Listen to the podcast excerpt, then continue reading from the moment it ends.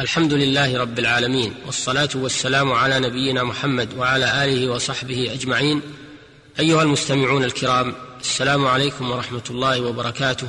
نتحدث إليكم في هذه الحلقة عن أحكام النذر من حيث تعريفه وحكمه في الشرع وحكم الوفاء به وما يتعلق بذلك.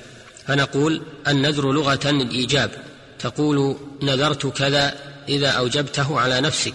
وتعريفه شرعا إلزام مكلف مختار نفسه شيئا لله تعالى والنذر نوع من أنواع العبادة لا يجوز صرفه لغير الله تعالى فمن نذر لغير الله تعالى من قبر أو ملك أو نبي أو ولي فقد أشرك بالله الشرك الأكبر المخرج من الملة لأنه بذلك قد عبد غير الله والعياذ بالله. فالذين ينذرون لقبور الأولياء والصالحين اليوم قد أشركوا بالله الشرك الأكبر فعليه من يتوب إلى الله ويحذر من ذلك وينذر قومهم لعلهم يحذرون. وحكم النذر ابتداء أنه مكروه وقد حرمه طائفة من العلماء. لما روى ابن عمر رضي الله عنهما أن النبي صلى الله عليه وسلم نهى عن النذر وقال إنه لا يرد شيئا وإنما يستخرج به من البخيل. قال في المنتقى رواه الجماعة إلا الترمذي. ولأن الناذر يلزم نفسه بشيء لا يلزمه في أصل الشرع فيحرج نفسه ويثقلها بهذا النذر ولأنه مطلوب من المسلم فعل الخير بدون نذر لكن إذا نذر فعل طاعة وجب عليه الوفاء بذلك لقوله تعالى وما أنفقتم من نفقة أو نذرتم من نذر فإن الله يعلمه وقال تعالى في وصف الأبرار يوفون بالنذر ويخافون يوما كان شره مستطيرا وقال تعالى وليوفوا نذورهم وفي الصحيح عن النبي صلى الله عليه وسلم أنه قال من نذر أن يطيع الله فليطعه ومن نذر أن يعصيه فلا يعصه. وقال الإمام ابن القيم الملتزم لطاعة لله لا يخرج عن أربعة أقسام.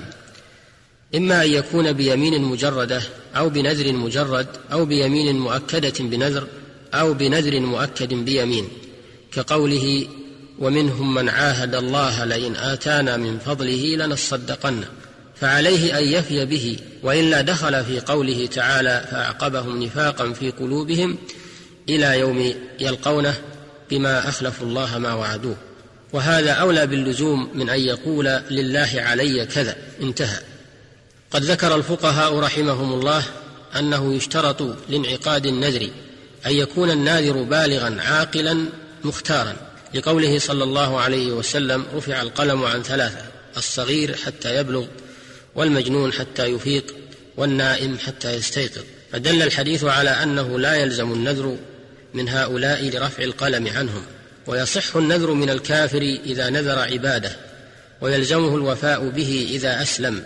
لحديث عمر رضي الله عنه قال إني نذرت في الجاهلية أن أعتكف ليلة فقال له النبي صلى الله عليه وسلم أوف بنذرك.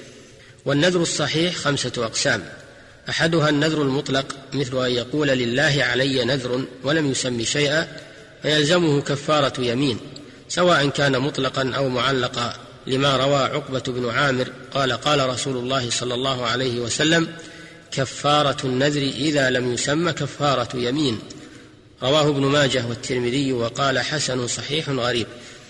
فدل هذا الحديث على وجوب الكفارة إذا لم يسم ما نذره لله عز وجل. الثاني من أقسام النذر نذر اللجاج والغضب وهو تعليق نذره بشرط يقصد المنع منه أو الحمل عليه أو التصديق أو التكذيب كما لو قال إن كلمتك أو إن لم أضربك أو إن لم يكن هذا الخبر صحيحا أو إن كان كذبا فعلي الحج أو العتق ونحو ذلك. فهذا النذر يخير صاحبه بين فعل ما نذره أو كفارة يمين. لحديث عمران بن حسين قال سمعت رسول الله صلى الله عليه وسلم يقول لا لا نذر في غضب وكفارته كفارة يمين. رواه سعيد في سننه. الثالث من أقسام النذر نذر المباح. كما لو نذر أن يلبس ثوبه أو يركب دابته ويخير بين فعله وبين كفارة يمين إن لم يفعله كالقسم الثاني. واختار شيخ الإسلام ابن تيمية رحمه الله أنه لا شيء عليه في نذر المباح لما روى الإمام البخاري بينما النبي صلى الله عليه وسلم يخطب إذا هو برجل قائم فسأل عنه فقالوا أبو إسرائيل نذر أن يقوم في الشمس ولا يستظل ولا يتكلم وأن يصوم فقال مروه فليتكلم وليستظل وليقعد وليتم صومه. الرابع من أقسام النذر نذر المعصية. كنذر شرب الخمر وصوم أيام الحيض ويوم النحر فلا يجوز الوفاء بهذا النذر. لقول النبي صلى الله عليه وسلم من نذر أن يعصي الله فلا يعصه.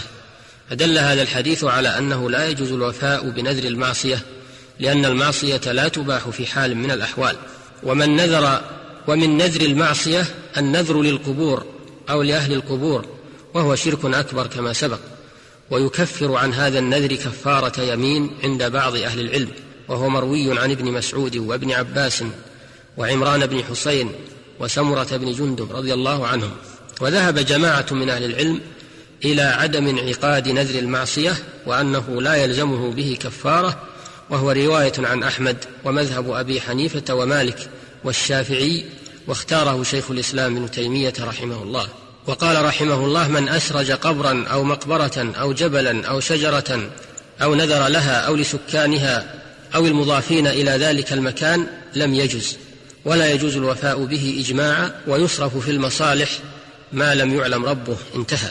والخامس من أقسام النذر نذر التبرر وهو نذر الطاعة كفعل الصلاة والصيام والحج ونحو ذلك سواء كان مطلقا أي غير معلق على شرط كما لو قال لله علي أن أصلي أو أصوم أو معلقا على حصول شرط كقوله إن شفى الله مريضي فلله علي أن أحج ونحو ذلك فإذا وجد الشرط لزمه الوفاء به. لقوله صلى الله عليه وسلم من نذر أن يطيع الله فليطعه. رواه البخاري. ولقوله تعالى يوفون بالنذر. ولقوله تعالى وليوفوا نذورهم. والله أعلم. أيها المستمعون الكرام إلى الحلقة القادمة بإذن الله نستودعكم الله. السلام عليكم ورحمة الله وبركاته والحمد لله رب العالمين وصلى الله وسلم على نبينا محمد وآله وصحبه.